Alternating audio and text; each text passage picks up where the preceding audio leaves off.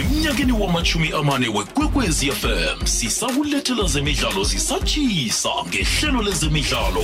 Fulela wanethwa li-awa lezemidlalo kukwekwezi fm nobig joe. Nangambala li awale zemidlalo emhathweni omkhulu igogwez FM ngiyakwamukela ngiyakulochisa mlaleli.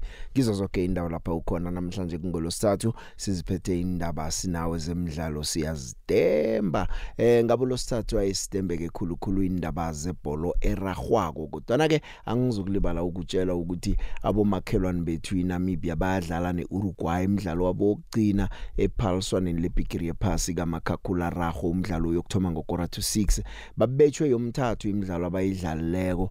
Angazi ukuthi namhlanje khani baza kwenza okuhlukileko namtchana njani na eh ungaphundwa ke umdlalo loyo. Uteyiswa kwamgido zakukhamba kakuthulela nje ama reports ukuthi umdlalo ukhamba njani phakathi kweNamibia neUruguay. Ngakule mhlangothi ke ngizitshejile namhlanje sinayo imidlalo emibili ngaphasi kweDStv Premiership. Ikhona imidlalo yeCarabao Cup. Zikhona nendaba ezikhona ezikhamba phambili zemidlalo engicabanga ukuthi eh nawe uzayingena hlangana uzakunandeke nawe uveza wakho umbono ngakho konke okuzwako la ehlelweni. Zolo simboleke noma ke mamila nesichema sechipa badlala ehlehle chipa idlale kuhle izolo bethe isichema seSuperSport United ngo 1 not hlala ke ungachiti eh, mina nawe ke sidembe ihlelo lezemidlalo ihlelo fulela wanethu emhathweni igwegwezi FM namhlanje ke into ebeyenzeka ngehlangothini lebhola ragwako ebekuvotwa lapha eCairo kuvotelwa inaga eziyokusingatha iphaliswano lebigiri yephasi. Eh kokwakho ngasiye bigiri yephasi Africa Cup of Nations eAfcon yaka 2025 neyaka 2027 izolokho engathi ukuthi iMorocco le bayikhulumisa ngathi yona neAlgeria zizindandokazi eh ukuthi zithole yaka 2025 iMorocco ke eh, bayiphe ilungelo ke ngiyo eyokubamba iphaliswane ligue eh, iGuinea bayithathela amalungelo isizini unyaka opheleleko lo eh, manje ke kwafakwa ke imbawo iMorocco ke iyokungena. Bese ke yaka 2027 eh kune beat yokubambisana phakathi kweKenya, iTanzania neUganda eh ngezepumalanga yeAfrika inarhe ndatwezi ziyokubamba yaka 2027 ngokubambisana. Eh Morocco ke izikhambele yodwa nje seyathumba nje vele iAlgeria iZambia eh bekukhona nenye ibid yokubambisana phakathi kweBenin neNigeria. Zonke nje ngaphambi kokuthi kuvotwe bazikhiphile badawa thina ningasasivotela salifuni phaliswanelo kwasala iMorocco yodwa. Eh, yayithola ke ukuthi ke ngo2025 kuza kuchingwa eMorocco. Kade khulu bayifuna abantu beMorocco ekugcineni bayitholile. Kasazi ukuthi kuyokuba liphaliswano elinjani. Bebavele bazindandokazi nje ukuthi eh, bazolithola ngoba uqaleke kunesibawo ibid yokusingatha i20 30 World Cup. iMorocco eh, ibambisene nePortugal neSpain. Ukuthi ke baphathe iphaliswano lebigiri yepass manje mhlawumbe ke ukuya kweAfcon kibo ngo2025 nokuthi bokuphatha abantu njani nokuthi iphaliswano lokukhama njani mhlawumbe nakho kuzabasiza eqiniseni isibawo sabo kuFIFA ukuthi ngo2030 bafuna iphaliswano lebigiri yephasi liye kibo. Eh manje ke njengoba bamba iAfcon nje kulihlandla lesibili kuphela iMorocco ibamba iAfcon eh sekudlula iminyaka emajuma amane yonke bagcina kuyibamba ngo1988 nje bayitholile beMorocco.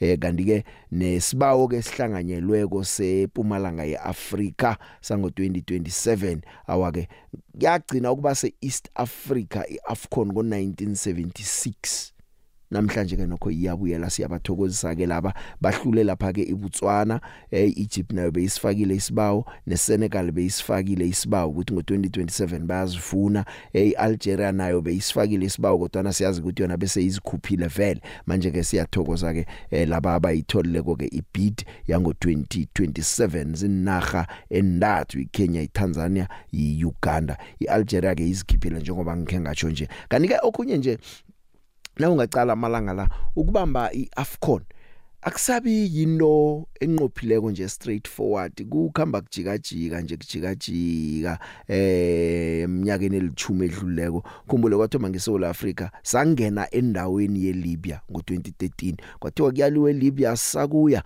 South Africa athi sikhona ize yeza kithi ngo2013 ngo2024 iGuinea bayipha ama rights ukuthi yokuphatha ka 2023 eh iCameroon bayinikela u2019 Ivory Coast bayinikela u2021 kodwa na iCameroon kwathiwa isiredi but unsiredi ngo2019 bayikhipha kwangenani kwangena iEgypt.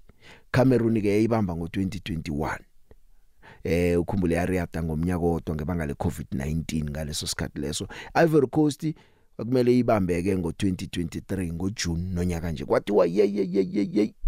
Kunizulu khulu lapha eIvory Coast kumbi ngeze salunga lapho ejingalanga yeAfrica eIvory Coast.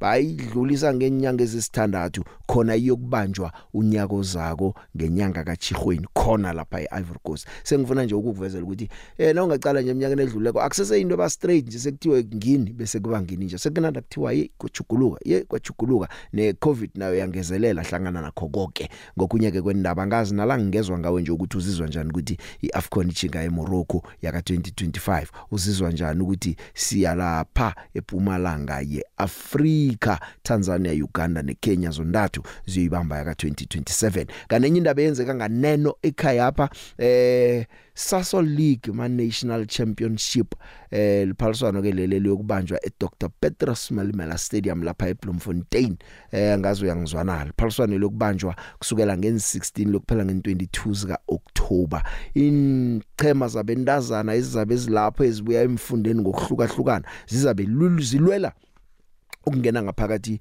kweHollywood Bets Super League. Eh kufuneka nje emibili kuphela zilithoba zona zibuya emfundeni ezihlukahlukeneko bazingkutana emfundeni zabo nje baze bebalwa ke balwela inkhala lezi engizichoko emibili zokungena ngaphakathi kweHollywood Bets eh, Super League. Ku Group A kune Sasol Juventus yeMpumalanga kune Royal Queens ye Northwest kune sichema seGauteng. Eh kusaragwa ke Gauteng akukabe ukwaziwa ukuthi ngisiphi isichema esizokuya kodwa nasizokungena bese ke eh, ku Group B kune Royal Wizards ye Northern Cape kune University of Fort Hare yalapha eEastern Cape kune Lindelani Ladies ye KZN ziku Group B eh, bese ke igroup ke yokugcina kuba ne University of Cape Town nge Western Cape bese nesichema se Ramut Ramutlahlwe eh, ladies ngesalapha eLimpopo bese kuba lapha ke neIchas ngiyalapha eFree State. Eh, kuyokuba ama group ke lapha njengoba ubona nje kuba ama group amathathu kanti sa5 izile ukuthi abayokuthumba bayokuthola 200,000 bese kabe kubetshwa kuma finals bazitholela 100,000 abokuthatha ubujamo besithathu eh, bazitholele i60000 rand. Kanti kunye ke kufuna ukuthi kucheje ke ukuthi ke ingcheme ezembili eziyokudlala ama final zipromothelwa lapha ku Hollywood Bets Super League. Ya sicaleke eh ukuthi kuyokukhamba njani ke ma group stages eh kuyokudlalwa ke imidlalo leyo knockout format ke eh yama group lawo ke zibuthelela amaphuzu. Ama group stages ayokudlala kusukela ngen17 ukuya eh ngen19 zika October ama semifinals ngen20 zika October ama final ayokuba lapha ke ngen22 zika October ipolo yabendazana ke ngikhuluma ngayo le eh ma playoffs lawo ke azabe akhona. Kanti ke namhlanje kunemidlalo edlalwa kokuhlala kulilwa ngabo sofengwana eSouth Africa eh ya namhlanje ngiyabawa ke ningalila ngosofengwana eh ke sidlulene endabeni zangempela veke zabo sofengwana ke sicale phambili. Kwenzekile okwenzekile kokudlulile izolo ke uVictor Hlongwane njengoba ngikhe ngatsho nje ukuthi manakalalele kwakheze sizwe ukuthi uthini ngemva kwenkulumo zabalaleli ezingaka. Nangambalo uyithumele ivoice note uyithumele izona kwathi ukuthi isikhathi esikhambile angakwazi ukuthi ngiyisemoyeni ngaphambi kokuthi ngingene endabeni zangaphakathi ze PSL eh ngizo ngizoyidlala ivoice note leyo. Nangithi singakhulumi ngendaba zabofengwa nokho nabo sofengwa angitsho ukuthi nangabe izolo emidlalweni weChipani SuperSport United unenofuna ukukhuluma ngayo ubhalwe ukukhuluma sengitshela ukuthi zepela veke Chiefs Sundowns ay khulunyiwa amalanga amabili wonke eh ukuthi asikhulumi nokho asithi ukuthi akugenzeki kwenzekile okwenzekako eh ya kanti kokhunye okukhona ke ukuthi u abongile Tom banozakhele siwela baku shortlist yabo sofengwana bokuphatha imidlalo yeAfcon. Abongile Tom ngureferee eh u zakhele siwela uassistant. Abongile Tom ku shortlist nanyana ekhaya suspendiwe ngebanga lomdlalo weLeague awuphatha ko weChiefs neSundowns lapha enza khona imphoso eh lapha kwalilwa khona isicema seKaizer Chiefs eh kwathiwa igondelo bele offside nepenalty bekumele kube ngiyo wasuspendwa abongile Tom. Manje ke uzakhele swela naye uhlangana nabanye aba shortlistweko sesakubona ukuthi nase yi final list izokuthini eh uabongile Tom ubuya na ku under 20 World Cup. Wathi nakuthoma isizini ke wenza ezinye imphoso ezirarileko ekhaya. Ngiyakhamba ngikuthengisa nangibuyako ngizokuthoma eh nge voice note yaka Victor Hlungwana usofengwana wethu la ehlelweni. Nangiceda ko ke ngene emidlalweni wayizolo lapha eGqeberha bese siyaraka siyaphambili sithetjani namhlanje nakho kokho kunyo kusezako Ladies and gentlemen, fulela wanethwa. God the Creator, Holy Trinity, the Promise Keeper. God must be a Kaiser Chiefs supporter. You just saw God's divine hand falling upon Kaiser Chiefs. We can say the same about any team that is doing well in the league or in the cup games.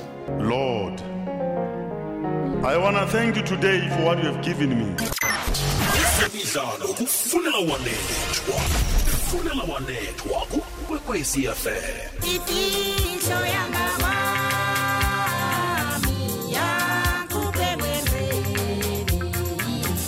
Lodge at the big.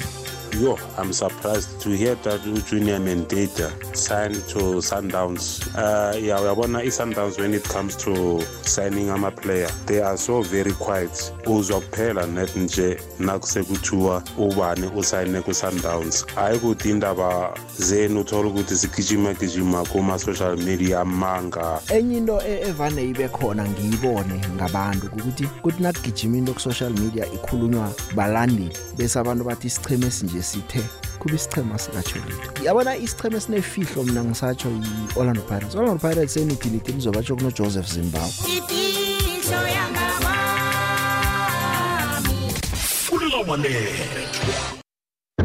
The big vele ngimamele the big vele ngimamele. Ngiyabazwa bakhuluma eh yes we have a challenge uh, in refereeing just like any other industry. Eh kuba nama challenge eh abantu abafane bahlala phansi bawalungisa eh sinama challenge ku refereeing of which the review committee and the technical committee and all other committees involved they must sit down bathola a solution uh, to this problem. Uh, mara kunalaba bathi no eh abo referee eh babribewa baphathe something. Mawunofakazi balento ikhulumayo yemaphoyiseni or ubaripota kusafa or FIFA hotline you are allowed. Mara mawungana ufakazi kulento please thula ungasimoshela isikhathi ngoba eh uthi no mbani mangubulele bani bani? Sithi umbonile ambulala awumbonanga uyakhuluma nje kuphela. Ayisebenzi kanjalo. Eh yakhona ma law enforcement uh, uh, authorities where bribery is not allowed. FIFA SAFA and CAF abayifuni bribery ebholeni eh ne PSL ayifuni bribery ebholeni if unofakazi ukuthi bani unike bani? Uyibonile?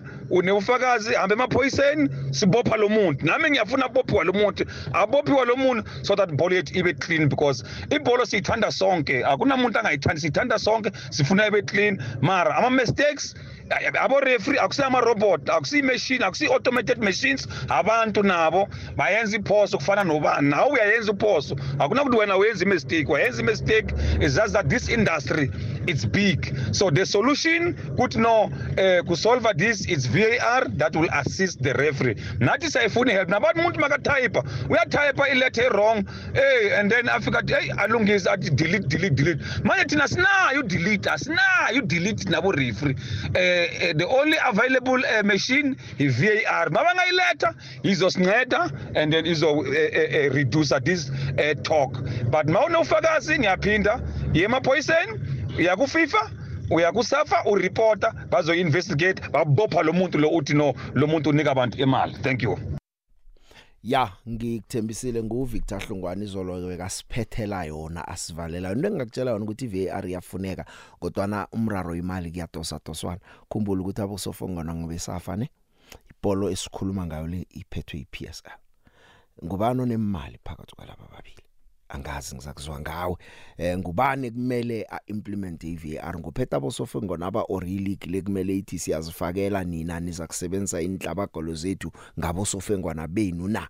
Eh enye into yokungaboni ngelihlelo lodwa yokudosa dosana kwebhola eragwako eSouth Africa phakathi kweSafa eh, nePSR ngenye ezokukhamba iriyadisa izinto nokho angitsho ukuthi ngithini? Sengiyakutshela ukuthi iVAR yona iyafuneka i block nje kwanje endabeni yemali. Kubani kumele ayifande eh 100% ikhambe kuhle? Ngokuhamba kwesikhathi sakunande sizizwa nakukhona okukhona okuma new developments ngeVAR eSouth Africa uVictor uzasitshela. Eh nami ngiyavuma ngithi man nakunomuntu othengisa umdlalo na umazi kokuhamba umbophisa sidiniwe. Kumbi okwenzeka kokho siyicedele futhi into le abantu babotshwe nabakhona na ubaziko ichipa ke ibethe iSuperSport United egcine seyidlala ngabadlali abalithumi izolo yasibonileka amatsatsansa ke awakubhalile bekunethemba lokuthi mhlawumnyaza kuthumba adlule iGolden Arrows ajamela lapha ebujameni besibili asahleze ebujameni besithathu. iArrows bachiya ngephuzu lodwa ke balobe eh, kwesibili emidlalweni emithathu. Ichipa yona ke ihome win yabo yokthoma le eh, ngoba emidlalweni abayidlalileko kufikela nje bese bathethe nje ama draw amabili nabasekhabo eGqeberha kodwa nje bathumbe kokthoma amatsatsansa ke kube bhlungwana ke alimala kakhulu uthulani hlatshwayo nakathola ikarata elisarlani lesibili kwaba kuthi ke uyahlukana ke nomdlalo. Eh amatsatsantsana ubuyele emva nje emidlalweni emini edlulile kubathumbe kanye kuphela bathumbe nababetha isicema seKaizer Chiefs. Eh uKevin Antuti man nokutravela ukuchinga le nale sikhulukhulu nemidlalo yethu ke siyidlala epulukwane bathi kuyabalimaza ke lokho. Uyatsho nje ukuthi kuba cost kanjani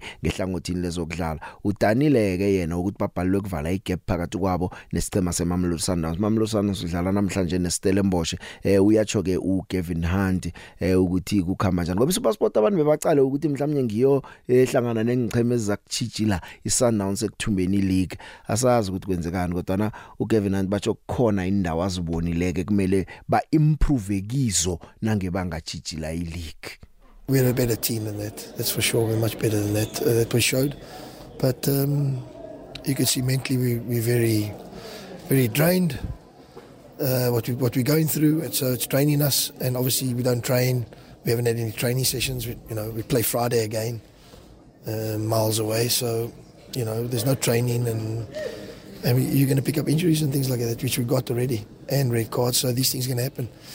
So yeah, that's football. But um, we're going to try and battle through and see where we go. Tonight was a big opportunity for us, but uh, to to to um, you know to try and get above two points a game, which obviously you're going to need much more than you're going to need 2.5 points a game um, at this stage. But I mean, right now still six games. I don't know how many we played. Seven. So there's a long, long way to go. I thought we were the better side in the second half. Played better, but obviously didn't create too many openings. Just when we got around there, we don't, you know, we don't. Um, you know, make the final pass count. So disappointed, but uh, they were better than us tonight. So um, that's it. Ah umzwa nje ivoice le ukuthi udanile uGavin Hunt Chipa Mamila yena uthi nje kumele bakhe iconsistency ukuthi babe neseason bayicede very strong eh Chipa ithumba kokthoma ke ekhaya uMamila uthi ke eh bethe isicheme esicinile kohle because I'm happy with the performance although I'm not that 100% happy we can do better uh, but this is work in progress. 3.1 goal uh, move uh, I think two steps or three steps from position 7 to position 4 happy and think uh, we can build the, the strongest team ever from the, from here and uh, the remaining matches. First win at home because uh, don't forget we had the biggest team of the country here. Drew one we lost one and uh, uh, that's football. You win some and you lose some. And uh, the focus is just to be consistent and I think uh, they are they are they are close to playing the way I want them to play you know the only thing that I'm to ask them is consistent, you know, especially keeping the ball, ball for quite some time, uh, which is what we're good at. But uh, we're playing a difficult team where they launch, uh, you have to fight for second ball and start playing. The amount of kilometers that the players have to is too many. But uh, we take a win and uh, look for the future. Remember, football is about it's about teamwork. Uh, he, he's, a, he's, a, he's an important member of the of the team, just like anybody of the technical team and uh, and players. We work as a team here and we win as a team. It's not an individual. It's just I'm the one who's been sent to do the talking, but we work as a team, and and we'll keep it that way. I think it's good for for, for us as a team. Li-hour lezemidlalo kukwekwezi fm nobig joe. Dlala dlala big joe asidlali la ezemidlalo kufunela walethu sesinayo ke imroka swalosi eh angazi sabakhumbula abo Calvin Peterson na abo Noel Cousin abo Roadblock Makatini kumroka swalosi yakade siyazi koleya eh bebasebenzisa uSwalosi Football Club nje ngokusemthethweni bokuba imroka swalosi ngikhuluma la ngeswalosi awu the big hour le 1947 the dube beds the multi beds awu ababala abo stop nonsense abo abo the roadblock abo chaka chaka mpondo abo makhathini abo ox mahlangu abo AC Mnili the late Skarango versus Phithiphithi Dumsane ngoba Clark Itafia hayi inyoni zami big Joe angalezo ingatsha zazindiza siyabonga ukuthi bambisa umroka ngathi singathola isponsor nje angijabule kakhulu big Joe Iriswalo sikiyorina sizohamba nayo funela walethwa Eh Big Joe ukhuluma nomzi wakhe Standardton ngiyacala ukungena ehlelweni. Yazi Big Joe le VAR iSouth Africa i-country corrupt kakhulu.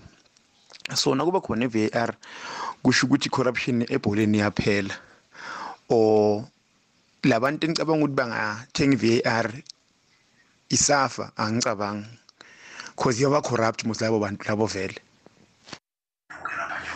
Eh Rocha Big Joe Big Joe ukhuluma noSipho Makhubo eMiddelburg ngiyathoma ungena ehlelweni lakho baba namuhla. ngi-Sundowns elikhulu support ekhulu le-Sundowns ngithanda ukubongisa isichema sami namuhla siyadlala Big Joe ngithi ake sibonakala ukuthi inkutana ngempela ngoba sekasikhuluma kabi bathi sithenga ama-revery Big Joe thina sikhona ibhola. Manje namuhla ngiyabahalisela ngithi yazini ake babonakala ukuthi vele ngempela mpela ama-champion na next week futhi big joe sibabonise amabhakaniya ukuthi thina vele ibholo siyalazi elisegazini. Big joe sengingajabula kanjani uma ungadlala le-voice note yami? Big joe wangenzela ilanga nje. Kukhanya ba usipho makhubo emetlelberg extension five. Ngingathokoza khulu big joe uyidlale yazini. I-sundowns elikhulu big Hey Big Joe kunjani? Ukhuluma noSominenhle la uLuthameni kwadlala lemasoyi mara njengela Eastland la eBlaza Big Joe hey bengibona umdlalo echipa izolo man. neSuper Sport. Ya Morgan Mamela uyakhuluma yong.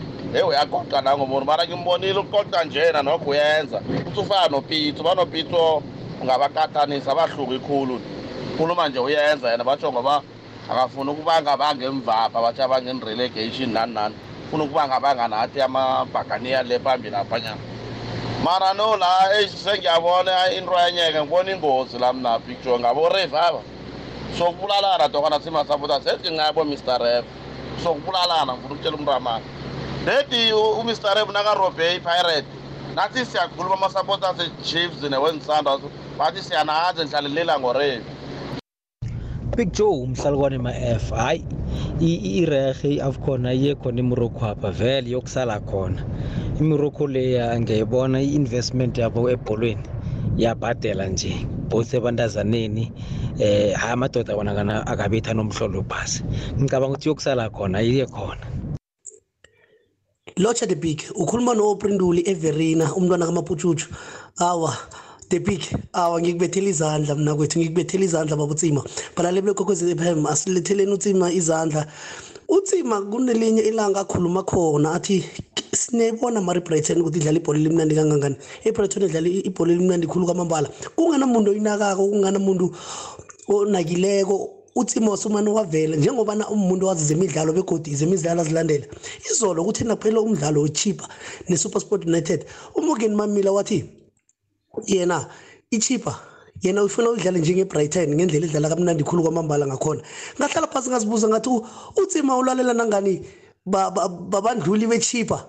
Nofana bona ngasolinya awa tapiki awa tapiki ngikubethela izandla engathanda bengazi imbongo zakwatsima ngabe ngizibiza zonke eziphelele tapiki zemidlalo uyazazi ngiyafisa ngelinye ilanga sikubone kuthelevishini ujame- ujamele uthomas mlambo. Ngiyacela the big ngiyafisa begodwa ngiyathandaza nabezimo bakho. Bakusephambili ko-oprindule verina umuntu akamaputshutshu danko? Siyathokoza oprim nakamaputshu kamapatshutshu Map- ya. I- ibrighton ibrighton idlala kuhle khulu. Nange uzipha isikhathi nawe uyichecha uzokuvumelana nama ngicabanga ukuthi beyikloga ukuthi ula- uyazi khulu ibholo. Nange ungayicala nje ibrighton ha ngiyakutshela ubri ibrighton igadanga kamnandi khona ukubabona ukuthi isicheme sibandulwako lesi. Akunando ezenzakalelako lapha. Yonke into uyayibona ukuthi into ehlelekileko ehlelwe kuhle ngikhuluma ngesicema sebrighton. Ya ngizwile noMorgan Mamila ibala naye.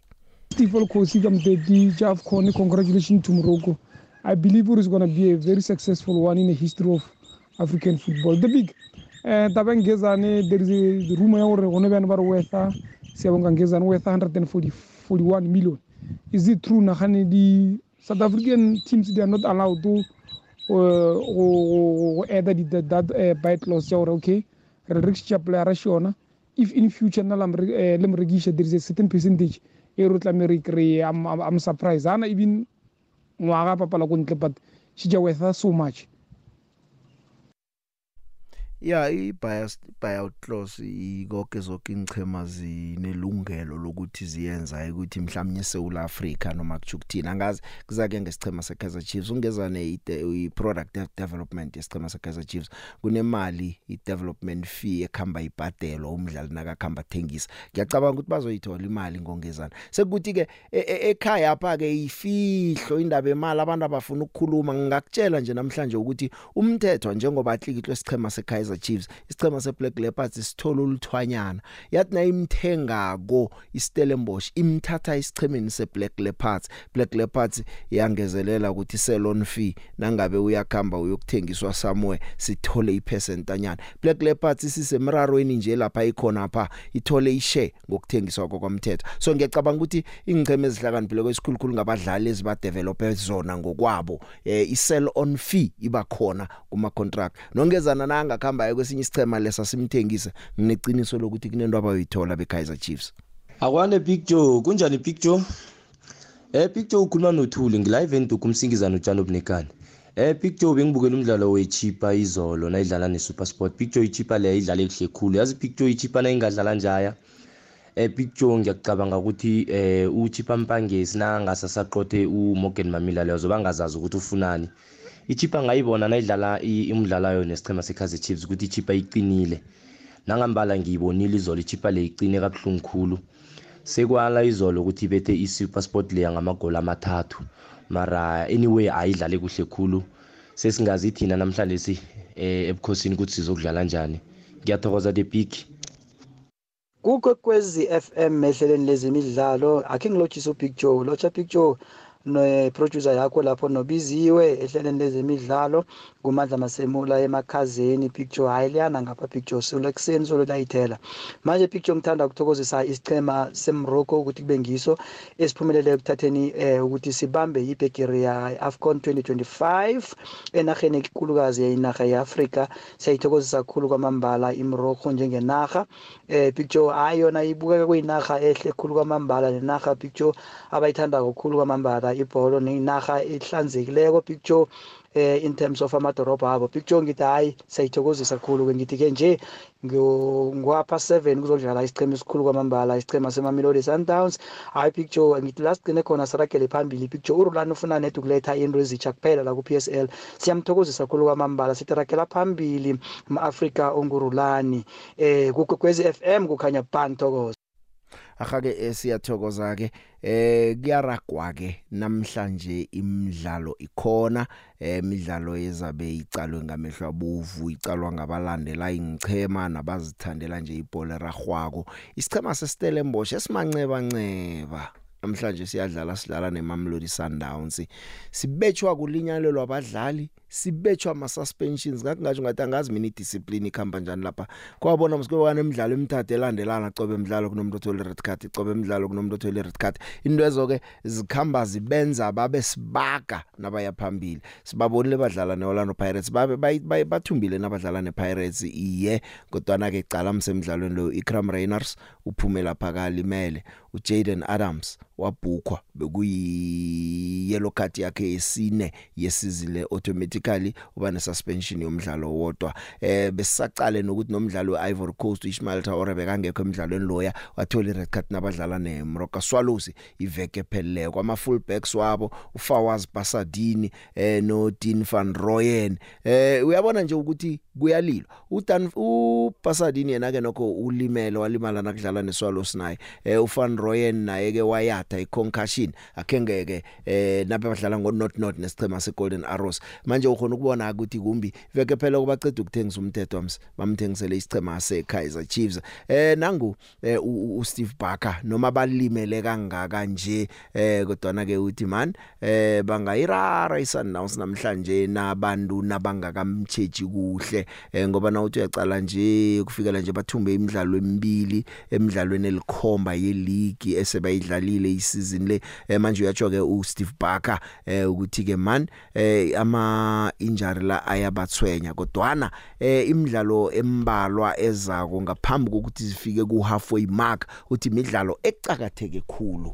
We are a little bit depleted. Basadine and Van Rooyen unfortunately won't be uh, available. Rainers obviously will have to assess, but it doesn't look uh, likely. Uh, obviously, Adams getting uh, his fourth yellow. So yeah, we are we are thin. It's just what it is. And the big part for us is is, is to be competitive as as much as we can against Sundowns. The following sort of seven matches to take us into the halfway part of the season uh, is going to be crucial for us. Um, you know, we we faced quite a stiff sort of start to the season. Pirates three times, Supersport twice. You know, we've had to play uh, Chiefs as well. Um, so it's been a bit of a tough campaign in the league. Um, and obviously getting the red cards hasn't helped. The following either. sort of seven matches to take us into the halfway part of the season uh, is going to be crucial for us. Um, you know, we we faced quite a stiff sort of start to the season. Pirates three times, Supersport twice. You know, we've had to play uh, Chiefs as well. Um, so it's been a bit of a tough campaign in the league. Um, and li awale zemidlalo kukokwezi FM no Big Joe i-awale zemidlalo kukokwezi FM no Big Joe isimbi yesihlanu itsho ukuthoma kwe-iri lezemidlalo kukokwezi FM no Big Joe kukhanya ba umdlalo ke ukhona ngo half past 7 Sundowns nesicema seStellenbosch into ekhona ke eh ngomdlalo lo engakutshela ukuthi iMamelodi Sundowns ingalinganisa nerecord lemidlalo eminingi ukuthunjwa nakuthoma isizini nange bangabetha iStellenbosch namhlanje. Eh iSundowns imidlalo eyi7 yabo yokuthoma isizini lebayithumbile nange bathumba namhlanje kuyokwenza 8 nababetha iStellenbosch.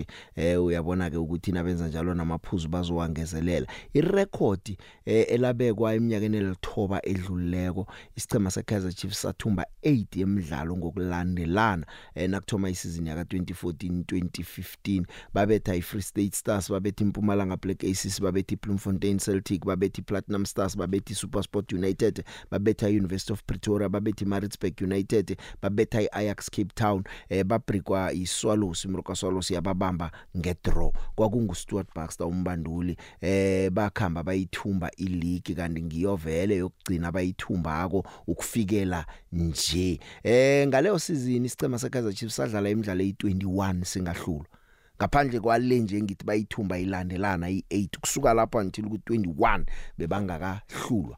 Eh manje ke isizini lena ucala ke iSundowns seyibethi isikhukhuni bethi Chiefs bethi Arrows bethi Chipa bethi Richards Bay bethi Polokwane City bethi Orlando Pirates bethe 14 goals ngakibo kungene 2 goals. Ngikhuluma ngeMamelodi Sundowns. Eh nange ingathumba ke namhlanje awakuza kutsho khona ukuthi lingana neChiefs ngo8 games so lokthoma isizini. Eyithumba ngokulandelana. Sengilokho nje ngifuna ukuvezela khona ke kanti iChiefs yona ke njengoba ke eh, iceda ukwenzelwa phasi nje ibetshwe ngempela veke ibetshwa sichema seSundowns iyadlala namhlanje idlala nesikhukhuni. Isikhukhuni sinekani ke naso? Base Moses Mapida ngo half past 7 Chiefs ku number 8 eh isiceme siku number 4 iMroka Swallows bache Chiefs nga 2 points. Eh kuyathi ukuthi nabangathumba bangakwazi ukuyeqa. Isikhukhuni yona ke inemidlalo emine ingakahlulwa across all competitions. Eh bathumbe emhlaba nje ngo 1 not babetha iRoyal AM sazi namhlanje bokusebenza njani ke baku number 5 lapha elokweni. Imidlalo ekhona namhlanje Sundowns inestellenbosch balapha eLucas Moripe half past 7 Chiefs nesikhukhune Moses Mapida ngo half past 7 ngolosihlanu iMroka Swallows sinamazulu eDobsonville ngo half past 7 sengikulungisela futhi mlandeli weSwallows ukuthi isicema sakho siyeza ngempela veke sivula impela veke sivula ngayo ngolosihlanu iSwallows akhe ngirakaraka ngidobhe babili bathathu nangiceda ko ngiyokuhlola eh, uteyiswa kwamgidi ukuthi uthini njengoba ngikutshele nje ukuthi iyadlala iNamibia neUruguay. Nje kumakhakhulararho emidlalo engicabanga ukuthi sewuthomile lo Eh dumela Brajo le Arvonel wa sedladleng ka mo studio ka mo Brajo I don't uh, I don't condone what happened ka weekend uh, to uh, officiating. Uh, Big Joe uh, quickly mo this issue? This issue ya Rulani he have been doing this for almost is almost 7 or 8 games. Every time ha ntsha zwane the whole structure sa team is a collapse. And he keep doing that every game every game every game. I know this guy akikushishini ntho a dirang ntho a dirang go Sundowns like seriously I don't understand. Every time ha substitute as one the whole team get lost like an NFD team. And uh, today o nyaka gore go tsa ka gore he's managing age war age this and that and that. I, I don't think this guy was serious. Ka mmereko wa hae ko Sundowns you look at the likes of Luka Modric ko Madrid he's almost over 30 something years o feta zwane but he can play 90 plus. Uh, this guy a ke mo kwešiše even today he is going to do the very same thing. Ya o ntsha zwane.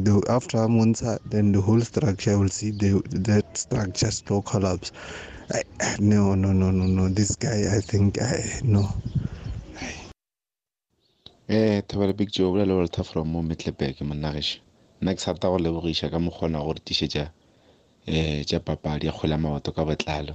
Rene modimo a bole wene o tšwele pele ka mmerekong o laetšela mmereko o tšere o rata bo sa tšela go hwetša um salary mafela a kgwedi o tšere o rata ka pele wa gagwe. Bele keretlhe nna ke latela kaizer chiefs le gone ke re ya wina tonnat ye yona tlapa skukun thobela tanko Hallo Big Joe. Ukhuluma nobhuda umsaka somthingile emsabanini. Yanizwa ngiyakhuluma nabo Victor Shongwana ukuthi na- nasibona umuntu owenza amaphutha simbophe semara nasiyangeqiniswa yikho into leyo into nayenzeka kwenzekala sibona ngathi nama-favorite khona lapha i-sundowns ama-favorite futhi kuyo nawo khulu khulu khulu ku-sundowns. Nangiwaqala amabholo kachalulile amaningi ngwama-offside. Eh siyo ngiyanizwana nikhuluma ngithe nginiphawule nami kancane nedijana ngiyathoma nami ungena uwapha. Lapha kunye nayikhuluma iqiniso nani lapha kunye malibani nginibone ngathi niyatshayela thank you big. Ngiyazibuza ukuthi emhlabaneni nisibona sinama favorite nazifika phi ku Sundowns angazi senzani eh ngoba eh, asiba bosofengwana thina. uVictor ngisofengwana obe othethe umhlala phasi uVictor nangabe kune offside uyacho manje uchila ukuthi iChiefs bekumele ithola ama penalty alo angenzana angeza refa angekho na ku review committee kungasuye ohlawulisa abosofengwana? Uqinisile akakhulumi kumbi nakathi kilaba abathi abosofengwana bayathengwa na unobufakazi bophisa babotsho ngoba into engekho emthethweni. Mayimde sijamela sithi abosofengwana bathengiwe. Ngiyathi ngiyazibona nje sengila emikini ngithi ya babathengile abo reef bese kwenzekani? Nabathi bathengwe ngibani ngamalini kuphi ngithini? So onabo ubufakazi balokho kuthiwa akakhamba ukubophisa ifavorite asinayo sana sinayiwini lokho sizokutsho sithi winile njengoba sitsho kizo zonke ingchema nakunento wrong eyenzekileko mina ukuthi ngibe safe ngithatha uVictor ngithi Victor njengosofengwana icho uyakutsho ngikhuluma nawe nje yabo abongelethomba suspended ngezinto ezenzeka kudlalwa neSundowns. Manje sinama favorite nasifika phi nazifika kuSundowns. Eh ake ngikhambe mina ke ngithinge ku Taste Marathumango ngizwe ngayo ukuthi kukhamba njani lapha eh iNamibia ibambana neUruguay. Mteyisana Dropped a, it's dropped a little bit. Days. Eh, the peak. Kunjani na? Man kamnandi ngibuze ngakwe the peak.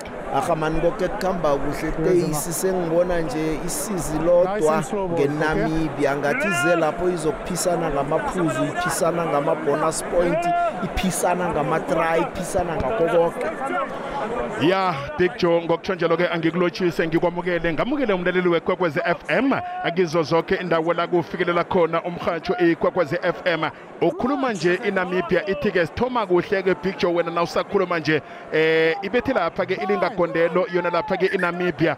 Eh nelingagondelo lokuphelelisa elilamako balibethe kuhle khulu kwamambala. Ngikhuluma nje iNamibia. Ikhamba phambili ngamaphuzu alikhomba. Ngolapha ke uGeswin Montona bethe lapha ke ilingagondelo emzuzwini munye kuphela. Kuthi lapha ke ilingagondelo lokuphelelisa. La aphakanyiswa kuhle khulu kwamambala. Ngolapha ke uTiana Swanephula. Kuyeke lapha ke ophakamise lapha ke ilingagondelo khumbula bonyana ke yona lapha ke eNamibia soloko ke ifikileko emidlalweni le yebhigiri yephasi.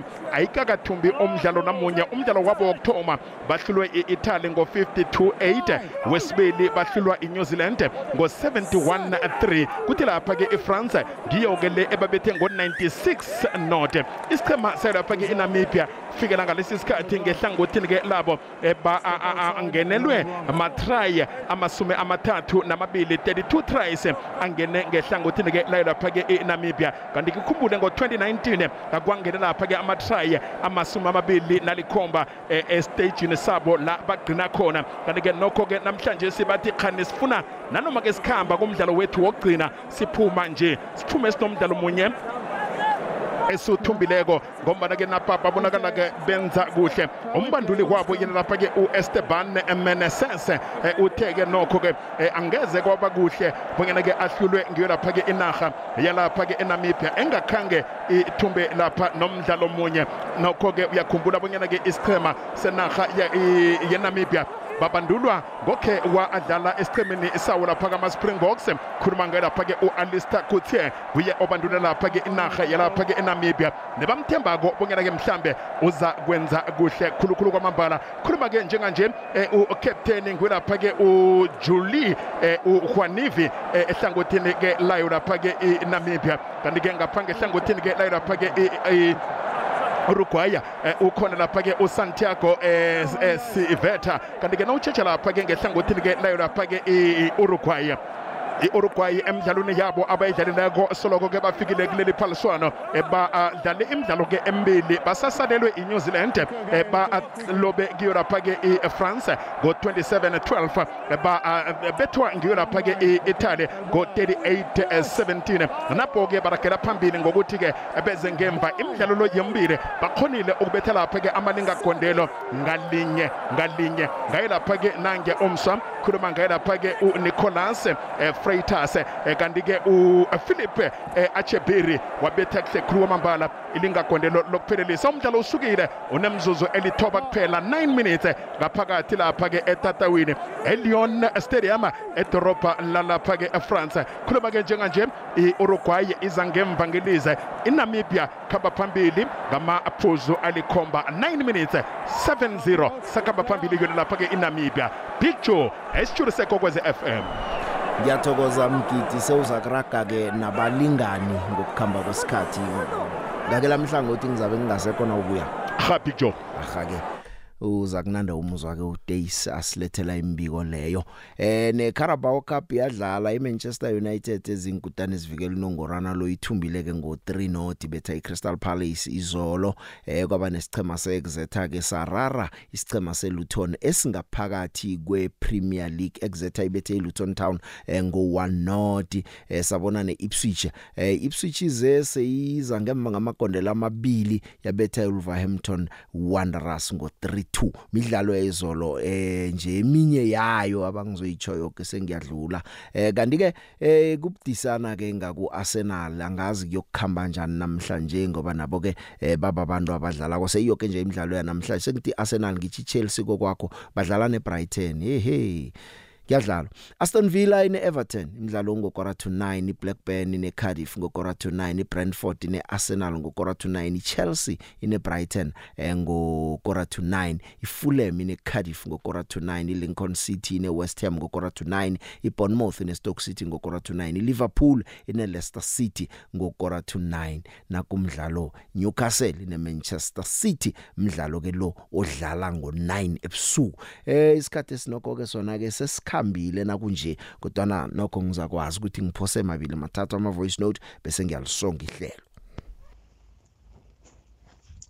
lotsha picture nabalaleli bekwekwezi FM kumahamba yongibe ngithumela into kanje le into kanje le i voice note le eh nayile ukuthi indaba le ayisesekhona yendre yabo referee nama penalty okay big joe. Okay kunento leyo ukuthi batsho igoli kaJoel Masilela indezayo njenga awake asilisele ngitshilo ngathi angisayi kiyo sikhulunywe khulu asiyeni phambili. Eh locha Big Joe locha nomlalelo kwekwez FM Big Joe mina angazi ngizokhuluma ngaloko okuhlukile Big Joe.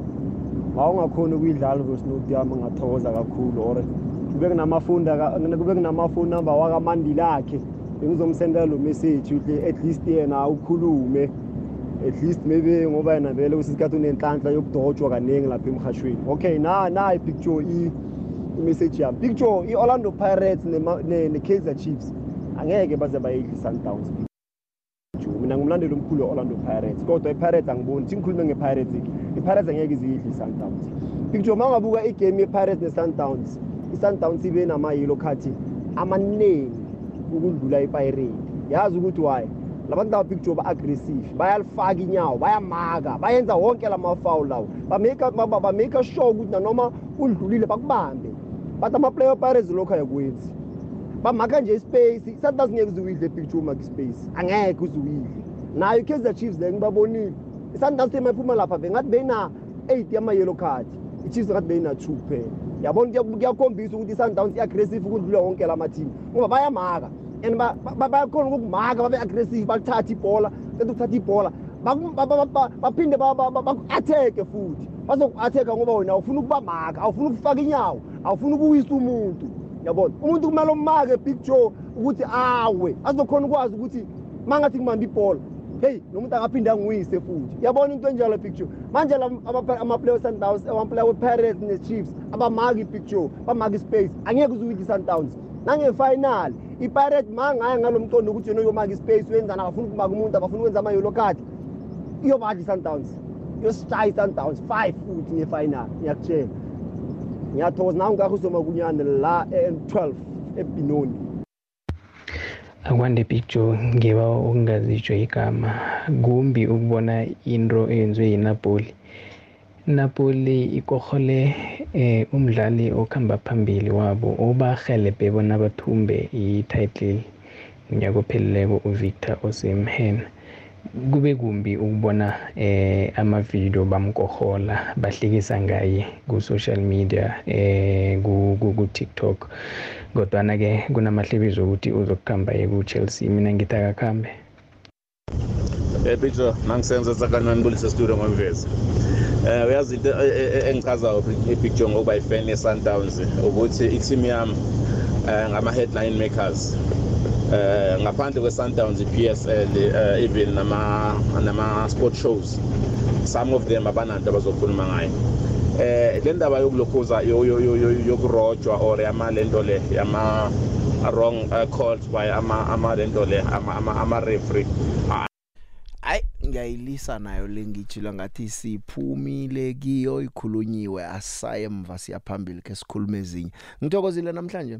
Ihlelo kwanamhlanje ngilibeka la ngithokoze indlebe yakho eh nakusasa kuseselanga ingchema ziyadlala njengoba ngikutshelile. Ya indaba ka Victor Osimhen eh ibhlungwana iagent yakhe ithi bajifuna ukuthathela iNapoli amagadango omthetho umuntu obasize kangaka isizini epheleleko namhlanje sesibamkohola ngoba akhuthe ipenalty. Asazi sayakhela umkhanyo siyibone ukuthi ikhamba njani. Ngake lamhlangothi ayibekulalela kumnandi ngithokozile